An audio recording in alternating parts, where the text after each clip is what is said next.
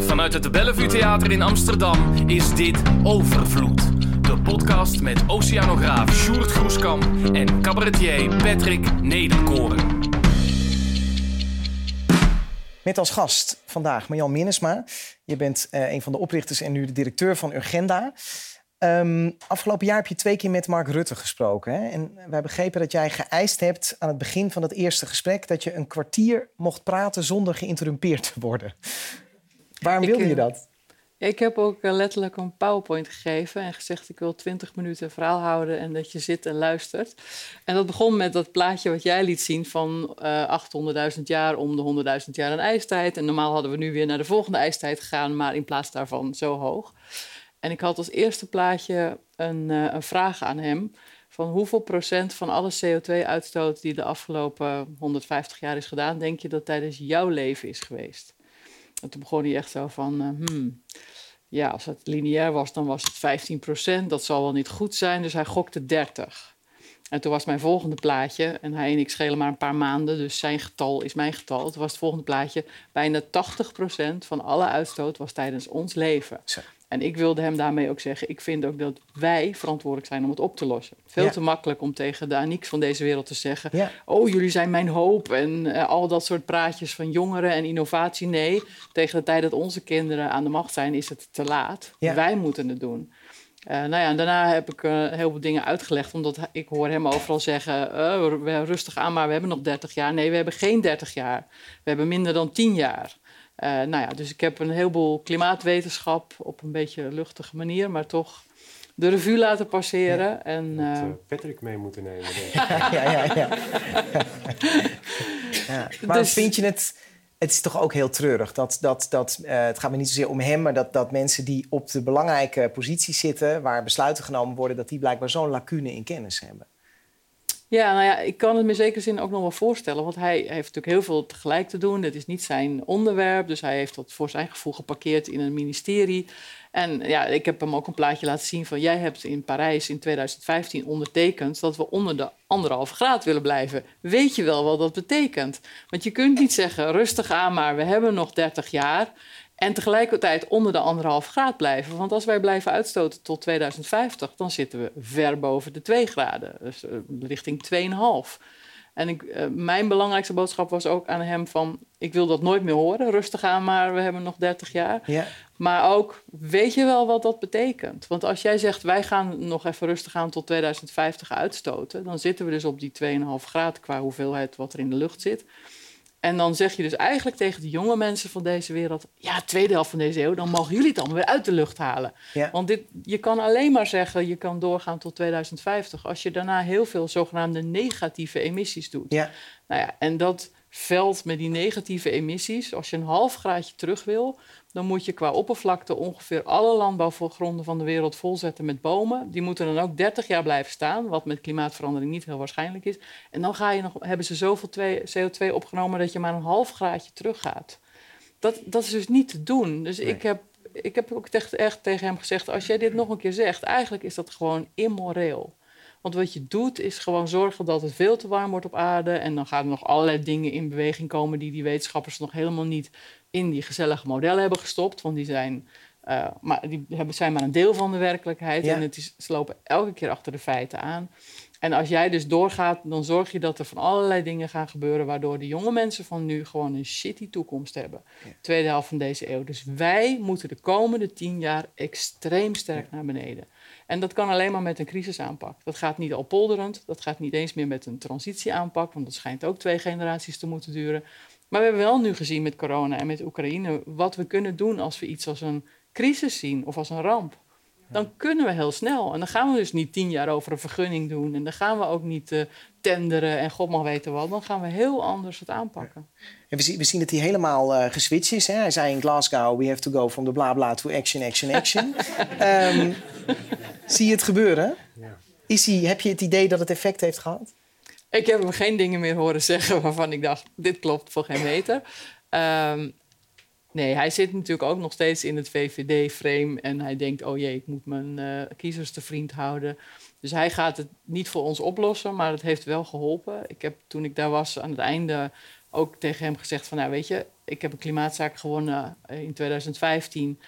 Uh, dit ging over 2020. er zijn inmiddels al andere klimaatzaken geweest die gingen over 2030 in Duitsland en Frankrijk. Hebben jonge mensen gewonnen omdat die zeiden van ja, jullie hebben ons hele zogenaamde carbon budget al opgemaakt in 2030. Dan hebben wij helemaal geen ruimte meer om nog fatsoenlijk te kunnen leven.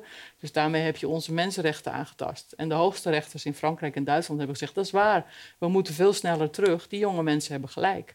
Dus ik heb tegen Rutte ook gezegd: als ik nu een rechtszaak begin voor 2030, dan win ik. Want jij doet het eigenlijk slechter dan Duitsland en Frankrijk. Maar ik wil helemaal geen rechtszaak beginnen. Ik heb liever dat je, en dat heb ik dan een Woman on the Moon plan genoemd, van dat je de hele industrie in tien jaar terugbrengt naar nul uitstoot. Want dat kan volgens de wetenschappers en ook volgens die bedrijven zelf. Want ik ben ik allemaal langs geweest. Alleen die bedrijven zeggen, ja, als wij dat nu gaan doen, dan worden wij duurder dan een concurrent. Dan vallen we om. Dus we hebben echt steun nodig. En dit kabinet heeft wel 20 miljard voor de industrie neergelegd. Dus in theorie zou het kunnen. Dat hebben jullie bereikt. Dat is in ieder geval een van de effecten. Want de, ja, er, is, er is meer geld voor klimaat dan ooit, denk ik, in deze coalitieakkoorden. Um, maar ik kan me ook wel weer een bepaalde frustratie voorstellen, want er gaat bijvoorbeeld ook heel veel geld naar kernenergie. Uh, nou hoe ga je dat weer ombuigen? Mag je nog een keer bij hem langskomen? Of hoe? Nou, ik ga nu weer een nieuw rondje doen, want vorig jaar heeft hij het niet zo goed gedaan. Um, maar er is zeg maar 35 miljard gereserveerd voor klimaat, waarvan 5 miljard voor kernenergie. Ja. Ja, en dat gaat er niet komen voor 2035. Dus eigenlijk is dat onzinnig. Want ze hebben ook gezegd de komende vier jaar gaat daar maar een beetje van gebruikt worden. Dus eigenlijk is dat volgens mij onderhandeling van D66 geweest. Van nou ja, vooruit, laten we dat doen. En hopelijk komt er een volgend kabinet die zegt nee, dat gaan we helemaal niet doen. Ik heb liever dat we dat besteden aan uh, energiebesparing of dat soort zaken. Ja, kernenergie tegen de tijd dat het er is, is het drie, vier keer duurder dan zon en wind. Dus het is gewoon ook economisch onzinnig. Ja, en maar, ik maar die 30 miljard is natuurlijk wel heel veel. En met Prinsjesdag was er ook 7 miljard. En in 2020 was er ook nog 3, 4 miljard vanwege ons vonnis vrijgemaakt. Dus alles bij elkaar wel heel veel geld. Dus op zich is geld nu niet het probleem. Het is echt, willen we het snel genoeg, gaan we het organiseren. En ik vind niet dat we heel goed zijn in organiseren. Dat hebben we met corona gezien. Mhm. Dus laat andere mensen het organiseren. Laat dat niet aan uh, de Kunnen politiek. Kunnen jullie dat niet voor ze doen? Nou, dat zou ik best willen want, doen. Maar serieus, hè? Want je bent niet alleen bij Rutte geweest en gezegd je moet het anders doen. Maar je hebt ook een fantastisch plan gepresenteerd met alle dingen die ze nu kunnen gaan doen om die doelen te halen waar jullie het over hebben. Ja, wij hadden al vanaf 2012 een visie op hoe je Nederland energie-neutraal kunt maken. Dus dat was niet eens alleen maar dat Women on the Moon ging aanleggen, puur over de industrie. We zijn in de tussentijd ook ehm, bezig. Uh, wij bieden dus boeren kruidenrijk grasland zaad aan voor de helft van de prijs.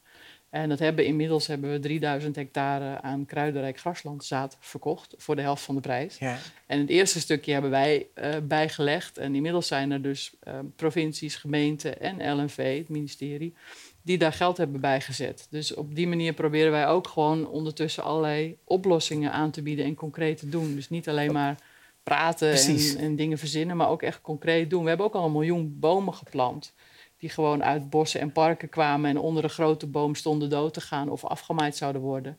Die hebben met 3000 vrijwilligers naar allerlei hubs gebracht. En als boeren een randje om hun land heen willen, of mensen willen een voedselbos starten, of gewoon een particulier wil een boom, dan kunnen ze daar gratis bomen halen. Want zullen we een paar van dit soort. Ik ben een keer bij jou in Zaandam bij, uh, bij Agenda geweest. En ik, ik kende het natuurlijk inderdaad van die politieke lobby en de rechtszaak. Maar ik, dat hele kantoor van jullie, dat bruist van allemaal concrete ideeën. Er lag een boek hoe je uh, Parijs kunt uitwerken in, in 200 pagina's. Allemaal voorbeelden. Wat, wat zijn er nog meer voor concrete dingen waar, waar, meest, waar de meeste mensen niet aan denken?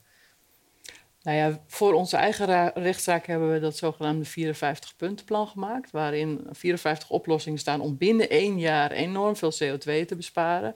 En dat gaat echt van uh, minder landbouw, uh, minder koeien, tot uh, stop met lachgas. Ik hoorde vandaag in de radio weer dat er heel veel mensen, te veel mensen lachgas gebruiken en dat het heel veel negatieve gevolgen heeft. Ah, dat telt wel op tot 0,2 megaton. Dus als je heel veel van die kleine stapjes neemt, en het lijkt mij gewoon een heel makkelijk ding voor de regering om gewoon lachgas voor particulieren te verbieden. En zo hij staat vol met best wel simpele dingen die ze allemaal in één jaar kunnen doen. Ik vond er wel een paar hele mooie in staan. Eh, onder andere ruim je data op. Ja, dat is ook zo'n makkelijke.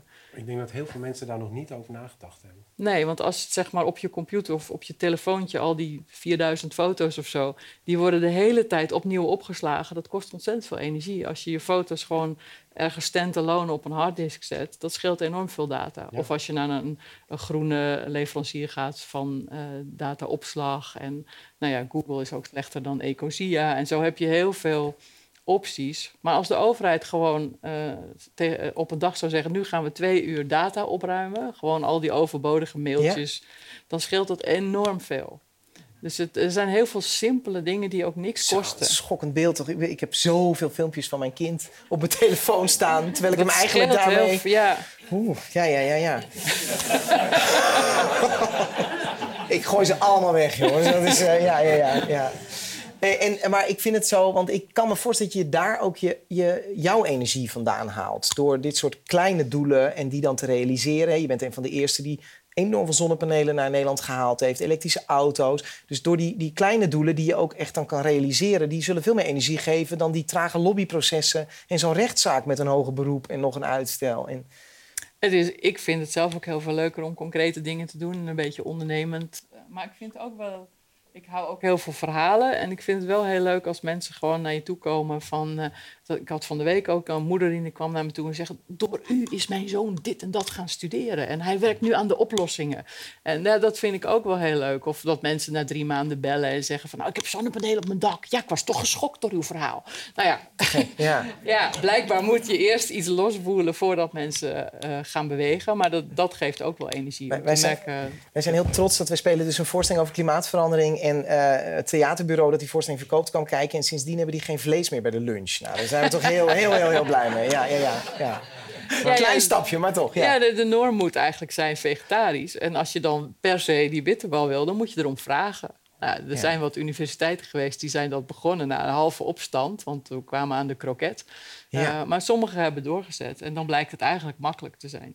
En er stond ook al in het 54-stappenplan. hè, Eén dag minder vlees levert ontzettend veel besparing op. Eén dag minder maar. Ja. Maar ik had dan, wat je net zei, dat je mensen inspireert. Ehm, er zitten daar een paar neefjes en nichtjes van me. Eh, wat moeten zij doen als zij maar Jan Minnesma willen worden? Nou, eerlijk gezegd tegen, zeg ik tegen jonge mensen... van tegen de tijd dat jullie zeg maar, groot genoeg zijn om verschil te maken... is het al te laat. Dus jullie enige taak is om ons oudere mensen... een enorme schop onder de kont te geven. En de hele tijd ons recht in de ogen te kijken en zeggen van... jullie zijn dood in 2050, maar wij krijgen een shitleven... als jullie nu niet opschieten. Dat is het enige wat jullie moeten doen. Oudere mensen aanspreken van jullie moeten opschieten. En anders meer zakgeld. toch? Ja, kom. Ik, ja, ik ga ze ook eventjes eh, iets in handen geven. Ja, rechtszaak tegen je ouders. Ja, ja maar dit is dus... Dit is, dit is wel belangrijk. Mensen zeggen bij deze voorstelling ook... je zou het voor sch- scholieren moeten gaan spelen. Niks ervan. Hè? We moeten een andere groep hebben. Het is onze leeftijd die nu aan de macht is. Ja. En die hebben nog tien jaar. Dus we hebben niet de tijd om te wachten tot scholieren aan de macht zijn. Wij moeten het doen. En wat Greta en anderen doen, is Maar- gewoon heel goed. maar houden we het dan- onder de kont geven. Want ik bewonder dat heel erg in jou, maar ik vind je ook zo begripvol. Hè? Dus nu in het begin ook zeg je, ja, Rutte heeft ook andere thema's. Eh, het vonnis van Urgenda werd niet uitgevoerd. Toen zei je, ja, we hopen dat jullie hoffelijk zijn... en dat jullie het uiteindelijk gaan doen en het duurde weer. Moeten we niet, moeten we niet meer rebelleren? Moeten niet... Ja, Eh, Ik ben ook ambassadeur van Extinction Rebellion, dus dat vind ik hartstikke Ja. goed. Het is heel erg en, en, en, en. ja. Eh, dus, Alle strategieën. ja, dus zeker. Ik vind ook gewoon dat de druk op de ketel moet. En dat doen mensen van Extinction Rebellion.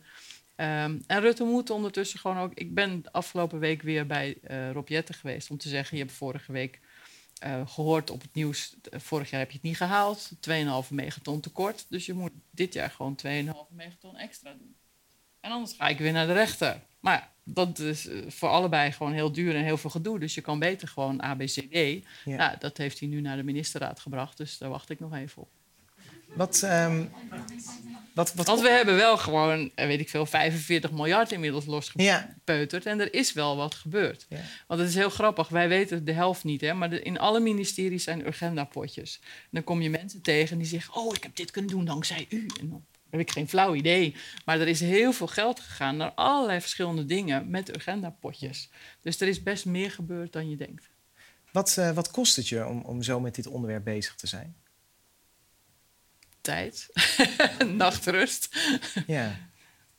nou ja ik, ja, ik kan eigenlijk niet anders, want ik maak me gewoon heel veel zorgen. Ja. Dus dan kan ik niet gezellig, uh, weet ik veel, iets anders gaan lopen Hoe doen. kost het je je gezelligheid? Nou, dat hoop ik niet. Maar uh, nee, je maakt natuurlijk wel keuzes. Kijk, ik heb een gezin met drie kinderen. Uh, ik speel in een orkest en ik werk. Dus ik ja, kom niet zoveel meer toe aan sporten. En ik heb mijn vrienden ook best wel verwaarloosd. Ja. Je moet keuzes maken. Dus ja, natuurlijk kost het wat, want je kan niet alles tegelijk. Ja. En hoe hou je de muziek? Bijvoorbeeld, je speelt hobo, toch? Dat is iets waar je energie van krijgt. Ja, ik heb gisteren de hele dag gespeeld. En dat is uh, lekker. Ja. En uh, hij valt steeds uit, hè, de mic? Uh, of, En, um, Zo. Maar is er, ik bedoel, wat ik probeer, wat ik natuurlijk wil weten is, hoe, hoe, hoe word je niet somber? Nou, voor een deel is dat denk ik ook wel genetisch. Dat Ja. ik niet van nature somber ben. En dat zolang ik nog de oplossingen zie en daar ook gewoon concreet aan bij kan blijven dragen, ehm, hou ik hoop. Maar ik heb natuurlijk echt wel dat ik werk veel s'nachts. Dat ik naar buiten sta en, en dat het daar buiten donker is. En dat ik denk, jee, wat een klerenzooi. Waarom is die mensen ontzettend stomzinnig dat hij zijn eigen leefomgeving loopt te verkloten? We hebben zoveel intelligentie. We kunnen naar de maan en sommigen denken naar Mars. Maar hier maken we er een rotzootje van. Waarom? Ja. Maar ja, dan probeer ik meteen te bedenken van wat moeten we dan veranderen. En dan ga ik daar maar aan werken. En, en doe je wel eens aan een soort van uh, realistische inschatting van hoe de toekomst eruit gaat zien? Wat, wat denk je? Gaan we, komen, gaan we op tijd nadenken? Ja, ik ken al die rapporten. Ik, die, er is ook zo'n gezellig boek, 6 graden, wat op basis van de wetenschap zegt wat gebeurt er bij 1, 2, 3. Ja. En nou, bij 4 graden was ik al depressief, dus Ja. ik heb dat boek nooit uitgelezen. Ehm, dus ik weet donders goed wat er kan gebeuren. In die zin voel je af en toe ook wel een soort Cassandra. Maar ik weet ook dat als we echt snappen wat we moeten gaan doen, dat we nog heel veel kunnen redden. Want je ziet nu wat, wat we kunnen doen met corona en met Oekraïne. Als we het doorkrijgen dat iets echt moet.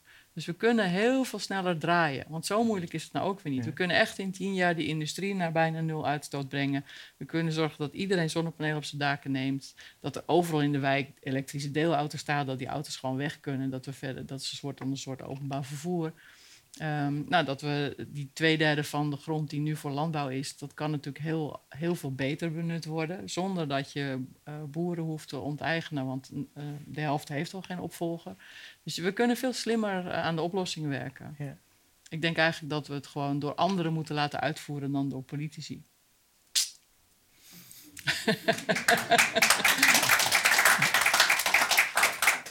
Als, als mensen je willen helpen, hoe kunnen ze je helpen? Kunnen ze zich aansluiten bij Agenda? Eh, kunnen ze bij jou op cursus?